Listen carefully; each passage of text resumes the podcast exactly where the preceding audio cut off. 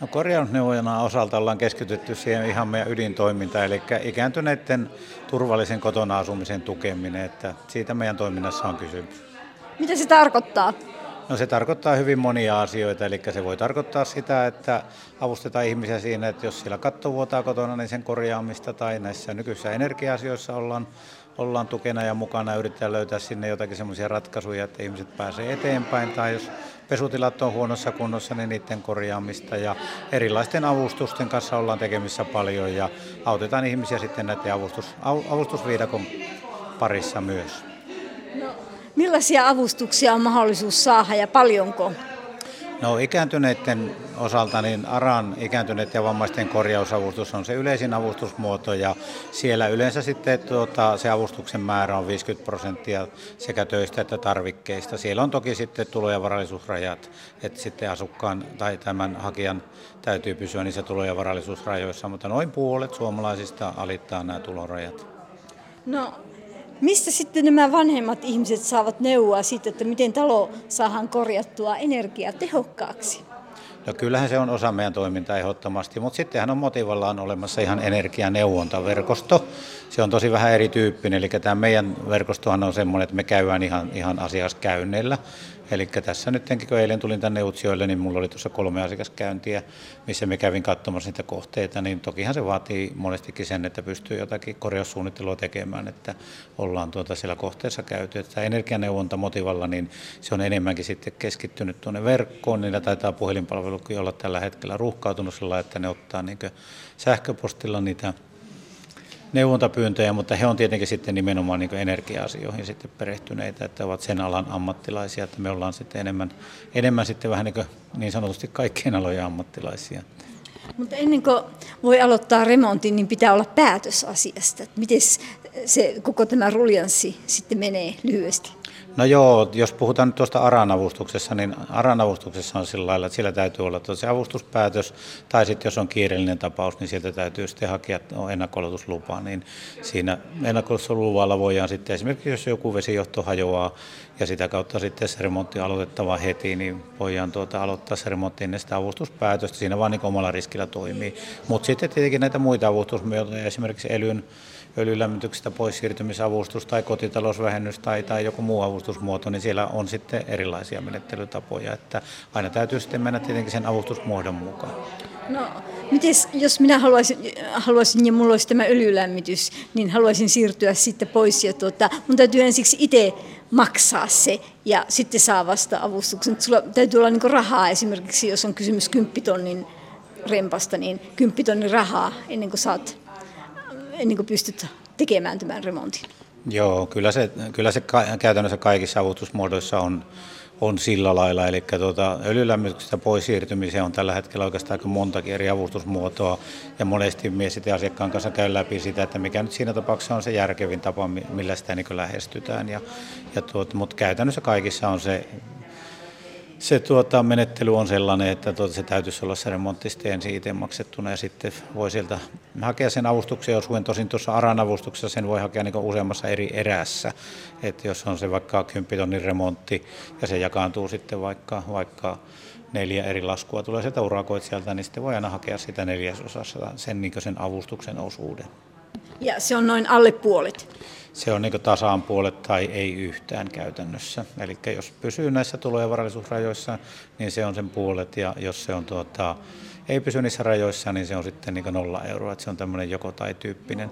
Mutta aranavustushan on semmoinen, että se on nimenomaan tämmöinen kotona asumista tukeva, että jos on toimiva kunnollinen öljylämmityslaitteisto, niin sen uudistamista esimerkiksi maalämpöön ei avusteta.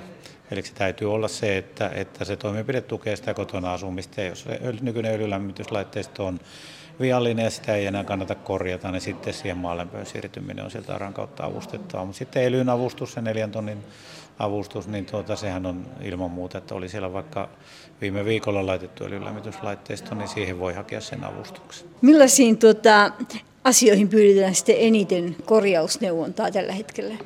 Tällä hetkellä nämä energia-asiat on ilman muuta niin tapetilla ja siellähän on ihmisillä tosiaan nyt sähkösopimusten kanssa on hyvin erilaisia tilanteita ja voi olla tosiaan, että ei ole minkäänlaisia energiatehokkuutta niin parantavia toimenpiteitä ei ole tehty aikaisemmin, niin tuota, niiden parissa työskennellään, mutta nythän on tietenkin silloin olla haasteellinen aika, että siellä on komponenttipulaa ja sirupulaa ja laitepulaa ja ruuhkia urakoitsijalla ja muuta, että siellä semmoisia kovin nopeita liikkuja tällä hetkellä on vaikea tehdä, että jos muut pari vinkkiä siitä, että mitä voisi niin tämmöisiä nopeita toimenpiteitä, mistä voisi olla niin hyötyä, riippuen toki kohteesta, niin on esimerkiksi ilmalämpöpumpun laittaminen on monesti aika järkevä toimenpide ja ilmalämpöpumppu on kuitenkin tuota, tällä hetkellä noista lämpöpumpuista ainoa, että siellä on niin, niin sanotusti tavaraakin saatavilla, eli, eli se on hyvä toimenpide. Ja sitten ikkunoiden ovien tiivistäminen ja säätäminen, sikäli mikäli niitä toimenpiteitä ei ole tehty, niin voi olla hyvin kustannustehokas niin toimenpide. Ehkä yläpohja eristys sitten, jos on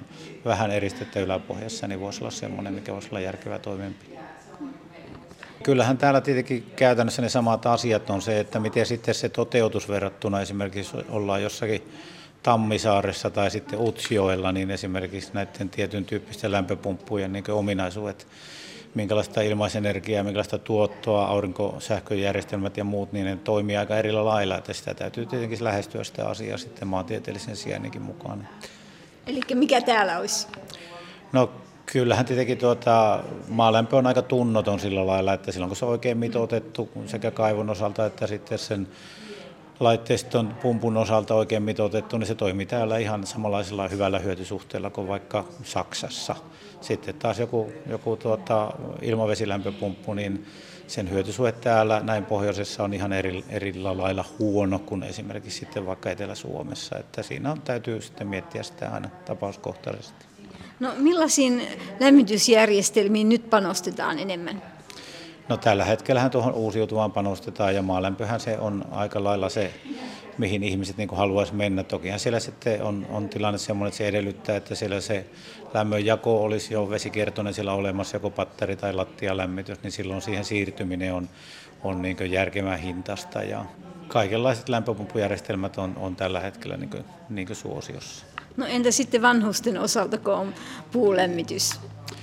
No puulämmityksen osaltahan on nyt erikoinen tilanne, että, että jos on hyväkuntoisia ikäihmisiä ja on sitä omaa metsää ja omaa puuta sillä olemassa, niin kyllähän se tällä hetkellä on niin erittäin edullinen lämmitysmuoto. Että mullakin on tuossa asiakkaita, kelle on maalämpöpäätös on jo tullut, mutta ne on soittanut mulle, että voidaanko sitä siirtää, että, että nyt on niin halpa lämmittää tuolla puulla, että ei kannata vaihtaa mihinkään, mutta puulämmityksen osaltahan on tietenkin se tilanne, että se vaatii siltä käyttäjältä hyvää kuntoa ja sitä, että sitä pystyy niin huoltamaan ja käyttämään sitä laitteistoa turvallisesti. Sitten kun on näitä kaikennäköisiä kauppamiehiä, jotka näitä lämmitysjärjestelmiä kauppaavat, niin millaisia neuvoja te annatte sitten ikäihmisille näiden kauppiaiden osalta? Mikä on tärkein neuvo? No, tärkein neuvo minun mielestä on se, että ikinä ei tee sille ensimmäisellä reissulla, reissulla tuota kauppaa ja kilpailuttaa sitten sen. Ja sitten jos on luotettavia omaisia, niin keskustelen niiden omaisten kanssa siitä asiasta. Niin ne on tärkeimmät neuvot ja siihen on tosiaan tuossa vuodenvaihteessa on kuluttajasuojalaissa on tulossa nyt onneksi muutoksiakin, että se kuluttaja-asema kyllä paranee aika paljon tuossa vuodenvaihteen jälkeen sen tiimoilta. No korjausavustuksia, niitä on, ne on aika monimutkaisia hakea, niin kuka auttaa vanhuksia tai ikäihmisiä näissä korjausavustusten haussa? No tuota, tietenkin kuntien tehtävähän olisi, olisi auttaa niissä asioissa ja kunnillahan oli aikaisemmin aikaisemmin myöskin näiden korjausavustusten käsittely, mutta se on kieltämättä vähän kunnissa nyt unohtunut. Ja olisi tietenkin toivottavaa, että siellä kunnassakin olisi henkilöitä, ketkä perehtyisivät siihen asiaan, mutta kyllä meidän organisaatio, Vanhustyön keskusliiton korjausneuvojat taitaa tällä hetkellä ainoa organisaatio Suomessa, mikä, mikä niin läpi Suomen auttaa niissä asioissa, mutta tietenkin meilläkin on sitten niin kuin minä hoidan esimerkiksi tätä vanhaa Lapin lääniä niin yksistään, niin, niin, niin ihan joka paikkaan, joka päivähän ei tietenkään sitten ehdikään. Paljonko se maksaa se neuvonta ja avustaminen esimerkiksi näiden avustusten hakemisessa? Se on tasasumma joka kerta sama summa, nolla euroa.